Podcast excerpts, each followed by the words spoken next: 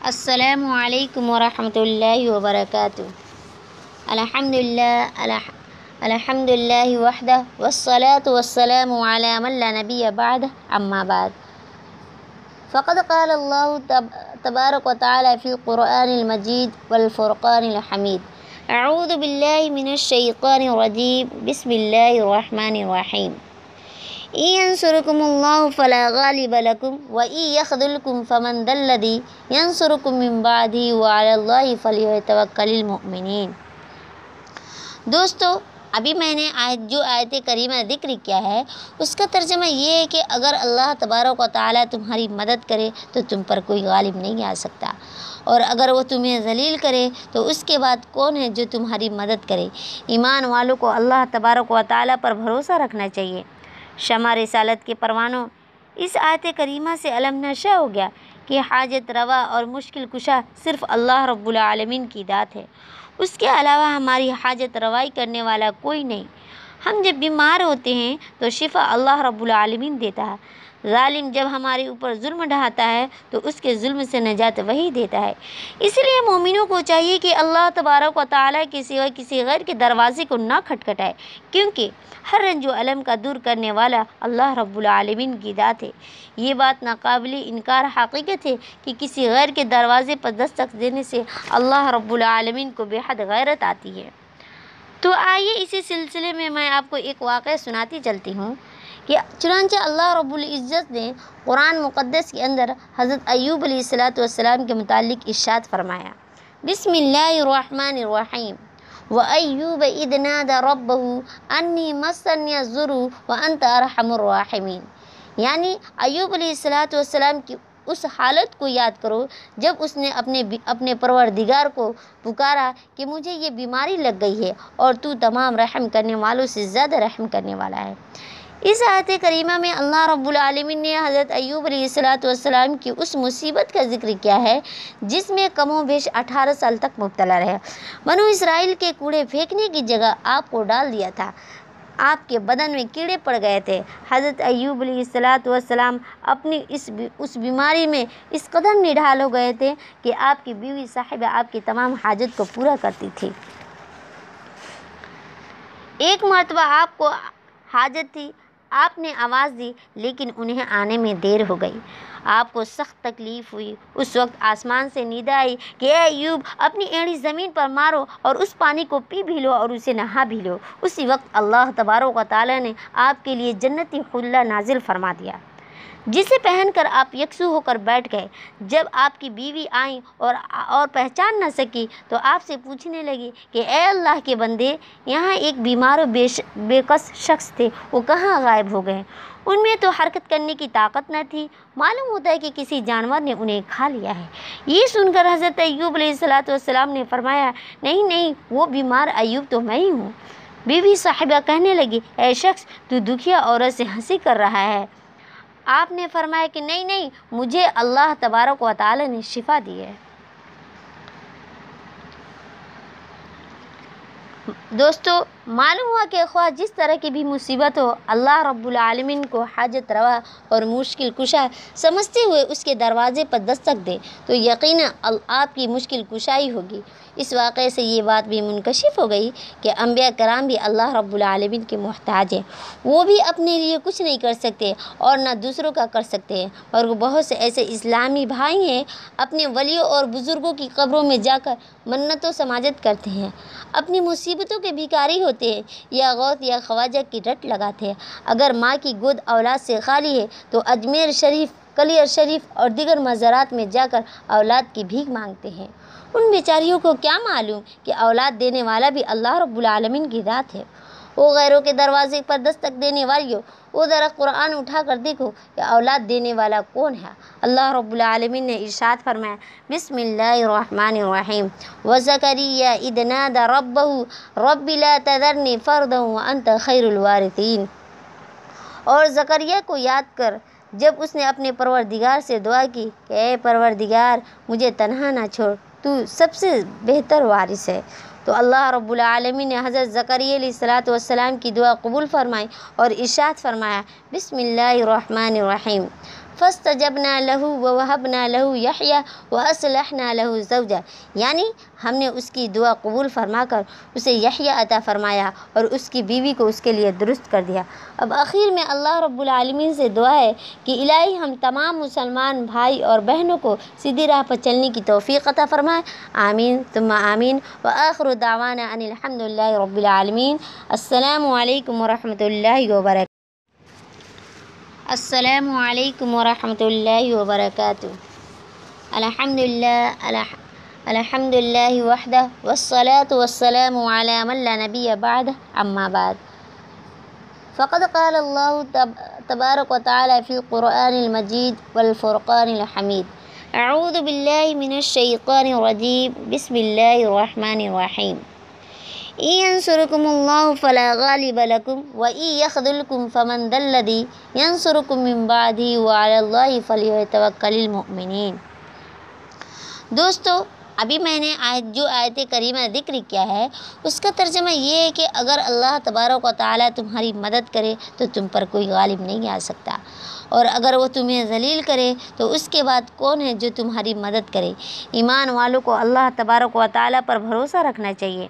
شمع رسالت کے پروانوں، اس آیت کریمہ سے علم نشہ ہو گیا کہ حاجت روا اور مشکل کشا صرف اللہ رب العالمین کی ذات ہے۔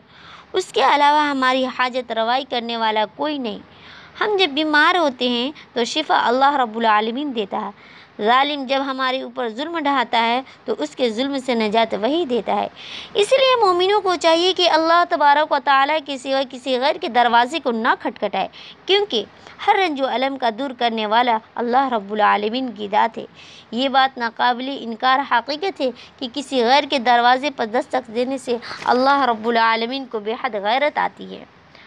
تو آئیے اسی سلسلے میں میں آپ کو ایک واقعہ سناتی چلتی ہوں کہ چنانچہ اللہ رب العزت نے قرآن مقدس کے اندر حضرت ایوب علیہ الصلاۃ والسلام کے متعلق ارشاد فرمایا، بسم اللہ الرحمن الرحیم وَأَيُّوبَ إِذْ نَادَى رَبَّهُ أَنِّي مَسَّنِيَ الضُّرُّ وَأَنْتَ أَرْحَمُ الرَّاحِمِينَ یعنی ایوب علیہ الصلاۃ والسلام کی اس حالت کو یاد کرو۔ جب اس نے اپنے اپنے پروردگار کو پکارا کہ مجھے یہ بیماری لگ گئی ہے اور تو تمام رحم کرنے والوں سے زیادہ رحم کرنے والا ہے۔ اس آیت کریمہ میں اللہ رب العالمین نے حضرت ایوب علیہ الصلاۃ والسلام کی اس مصیبت کا ذکر کیا ہے، جس میں کم و بیش اٹھارہ سال تک مبتلا رہے۔ بنو اسرائیل کے کوڑے پھینکنے کی جگہ آپ کو ڈال دیا تھا۔ آپ کے بدن میں کیڑے پڑ گئے تھے۔ حضرت ایوب علیہ السلاۃ والسلام اپنی اس اس بیماری میں اس قدر نڈھال ہو گئے تھے کہ آپ کی بیوی صاحبہ آپ کی تمام حاجت کو پورا کرتی تھی۔ ایک مرتبہ آپ کو حاجت تھی آپ نے آواز دی لیکن انہیں آنے میں دیر ہو گئی۔ آپ کو سخت تکلیف ہوئی۔ اس وقت آسمان سے نیند آئی کہ اے ایوب، اپنی ایڑی زمین پر مارو اور اس پانی کو پی بھی لو اور اسے نہا بھی لو۔ اسی وقت اللہ تبارک و تعالیٰ نے آپ کے لیے جنتی خلہ نازل فرما دیا۔ جسے پہن کر آپ یکسو ہو کر بیٹھ گئے۔ جب آپ کی بیوی آئیں اور اور پہچان نہ سکی تو آپ سے پوچھنے لگی کہ اے اللہ کے بندے، یہاں ایک بیمار و بے بے کس شخص تھے، وہ کہاں غائب ہو گئے؟ ان میں تو حرکت کرنے کی طاقت نہ تھی۔ معلوم ہوتا ہے کہ کسی جانور نے انہیں کھا لیا ہے۔ یہ سن کر حضرت ایوب علیہ السلاۃ والسلام نے فرمایا، نہیں نہیں، وہ بیمار ایوب تو میں ہی ہوں۔ بیوی صاحبہ کہنے لگی، اے شخص، تو دکھیا عورت سے ہنسی کر رہا ہے۔ آپ نے فرمایا کہ نہیں نہیں، مجھے اللہ تبارک و تعالی نے شفا دی ہے۔ دوستو معلوم ہوا کہ خواہ جس طرح کی بھی مصیبت ہو، اللہ رب العالمین کو حاجت روا اور مشکل کشا سمجھتے ہوئے اس کے دروازے پر دستک دے تو یقیناً آپ کی مشکل کشائی ہوگی۔ اس واقعے سے یہ بات بھی منکشف ہو گئی کہ انبیاء کرام بھی اللہ رب العالمین کے محتاج ہیں۔ وہ بھی اپنے لیے کچھ نہیں کر سکتے اور نہ دوسروں کا کر سکتے ہیں اور وہ بہت سے ایسے اسلامی بھائی ہیں، اپنے ولیوں اور بزرگوں کی قبروں میں جا کر منت و سماجت کرتے ہیں۔ اپنی مصیبتوں کے بھکاری ہوتے ہیں، یا غوث یا خواجہ کی رٹ لگاتے ہیں۔ اگر ماں کی گود اولاد سے خالی ہے، تو اجمیر شریف کلیر شریف اور دیگر مزارات میں جا کر اولاد کی بھیک مانگتے ہیں۔ ان بیچاریوں کو کیا معلوم کہ اولاد دینے والا بھی اللہ رب العالمین کی ذات ہے؟ وہ غیروں کے دروازے پر دستک دینے والیوں وہ ذرا قرآن اٹھا کر دیکھو کہ اولاد دینے والا کون ہے۔ اللہ رب العالمین نے ارشاد فرمایا، بسم اللہ الرحمن الرحیم۔ وزکریہ اذ نادى رب لا تذرنی فردا وانت خیر الوارثین اور زکریہ کو یاد کر، جب اس نے اپنے پروردگار سے دعا کی کہ، اے پروردگار، مجھے تنہا نہ چھوڑ، تو سب سے بہتر وارث ہے۔ تو اللہ رب العالمین نے حضرت زکریہ علیہ الصلاۃ والسلام کی دعا قبول فرمائی اور ارشاد فرمایا، بسم اللہ الرحمن الرحیم۔ فاستجبنا له ووهبنا له يحيى واصلحنا له زوجا یعنی ہم نے اس کی دعا قبول فرما کر اسے یحییٰ عطا فرمایا اور اس کی بیوی کو اس کے لیے درست کر دیا۔ اب آخر میں اللہ رب العالمین سے دعا ہے کہ الہی ہم تمام مسلمان بھائی اور بہنوں کو سیدھی راہ پر چلنے کی توفیق عطا فرمائے۔ آمین۔ ثم آمین۔ وآخر دعوانا ان الحمد للہ رب العالمین۔ السلام علیکم ورحمۃ اللہ وبرکاتہ۔ السلام عليكم ورحمة الله وبركاته. الحمد لله الحمد لله وحده والصلاة والسلام على من لا نبي بعده أما بعد. فقد قال الله تبارك وتعالى في القرآن المجيد والفرقان الحميد. أعوذ بالله من الشيطان الرجيم. بسم الله الرحمن الرحيم. إن ينصركم الله فلا غالب لكم وإن يخذلكم فمن ذا الذي ينصركم من بعده وعلى الله فليتوكل المؤمنين۔ دوستو، ابھی میں نے آیت جو آیت کریمہ ذکر کیا ہے، اس کا ترجمہ یہ ہے کہ اگر اللہ تبارک و تعالیٰ تمہاری مدد کرے، تو تم پر کوئی غالب نہیں آ سکتا۔ اور اگر وہ تمہیں ذلیل کرے، تو اس کے بعد کون ہے جو تمہاری مدد کرے؟ ایمان والوں کو اللہ تبارک و تعالیٰ پر بھروسہ رکھنا چاہیے۔ شمع رسالت کے پروانوں۔ اس آیت کریمہ سے علم نشہ ہو گیا کہ حاجت روا اور مشکل کشا صرف اللہ رب العالمین کی ذات ہے۔ اس کے علاوہ ہماری حاجت روائی کرنے والا کوئی نہیں۔ ہم جب بیمار ہوتے ہیں تو شفا اللہ رب العالمین دیتا ہے۔ ظالم جب ہمارے اوپر ظلم ڈھاتا ہے تو اس کے ظلم سے نجات وہی دیتا ہے۔ اس لیے مومنوں کو چاہیے کہ اللہ تبارک و تعالیٰ کے سوا کسی غیر کے دروازے کو نہ کھٹکھٹائے، کیونکہ ہر رنج و علم کا دور کرنے والا اللہ رب العالمین کی ذات ہے۔ یہ بات ناقابل انکار حقیقت ہے کہ کسی غیر کے دروازے پر دستک دینے سے اللہ رب العالمین کو بے حد غیرت آتی ہے۔ تو آئیے اسی سلسلے میں میں آپ کو ایک واقعہ سناتی چلتی ہوں۔ کہ چنانچہ اللہ رب العزت نے قرآن مقدس کے اندر حضرت ایوب علیہ الصلاۃ والسلام کے متعلق ارشاد فرمایا، بسم اللہ الرحمن الرحیم، و ایوب اذ نادى ربه انی مسنی الضر وانت ارحم الراحمین یعنی ایوب علیہ الصلاۃ والسلام کی اس حالت کو یاد کرو جب اس نے اپنے اپنے پروردگار کو پکارا کہ مجھے یہ بیماری لگ گئی ہے اور تو تمام رحم کرنے والوں سے زیادہ رحم کرنے والا ہے۔ اس آیت کریمہ میں اللہ رب العالمین نے حضرت ایوب علیہ الصلاۃ والسلام کی اس مصیبت کا ذکر کیا ہے، جس میں کم و بیش اٹھارہ سال تک مبتلا رہے۔ بنو اسرائیل کے کوڑے پھینکنے کی جگہ آپ کو ڈال دیا تھا۔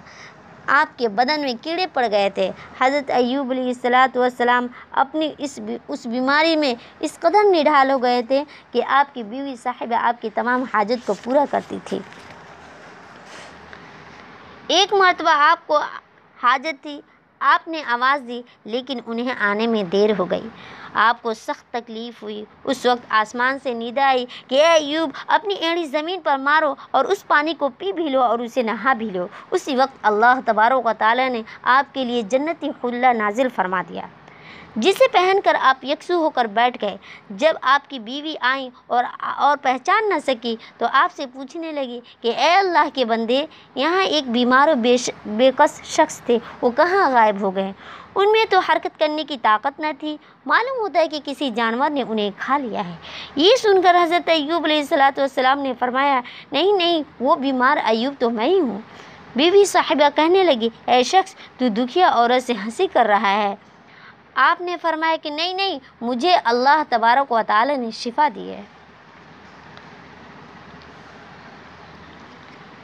دوستو، معلوم ہوا کہ خواہ جس طرح کی بھی مصیبت ہو، اللہ رب العالمین کو حاجت روا اور مشکل کشا سمجھتے ہوئے اس کے دروازے پر دستک دے، تو یقیناً آپ کی مشکل کشائی ہوگی۔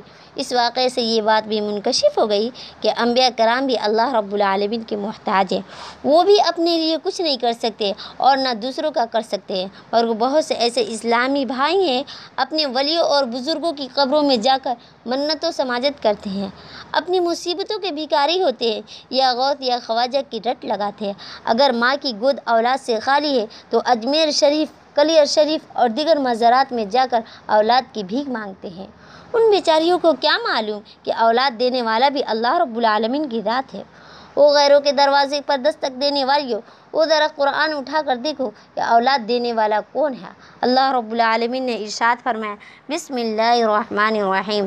وزکریہ اذ نادى ربه رب لا تذرنی فردا وانت خیر الوارثین اور زکریہ کو یاد کر، جب اس نے اپنے پروردگار سے دعا کی کہ اے پروردگار، مجھے تنہا نہ چھوڑ۔ تو سب سے بہتر وارث ہے۔ تو اللہ رب العالمین نے حضرت زکریہ علیہ الصلاۃ والسلام کی دعا قبول فرمائی اور ارشاد فرمایا، بسم اللہ الرحمن الرحیم۔ فاستجبنا له ووهبنا له يحيى واصلحنا له زوجا یعنی ہم نے اس کی دعا قبول فرما کر اسے یحییٰ عطا فرمایا اور اس کی بیوی کو اس کے لیے درست کر دیا۔ اب آخر میں اللہ رب العالمین سے دعا ہے کہ الہی ہم تمام مسلمان بھائی اور بہنوں کو سیدھی راہ پر چلنے کی توفیق عطا فرمائے۔ آمین، ثم آمین۔ وآخر دعوانا ان الحمد للہ رب العالمین۔ السلام علیکم ورحمۃ اللہ وبرکاتہ۔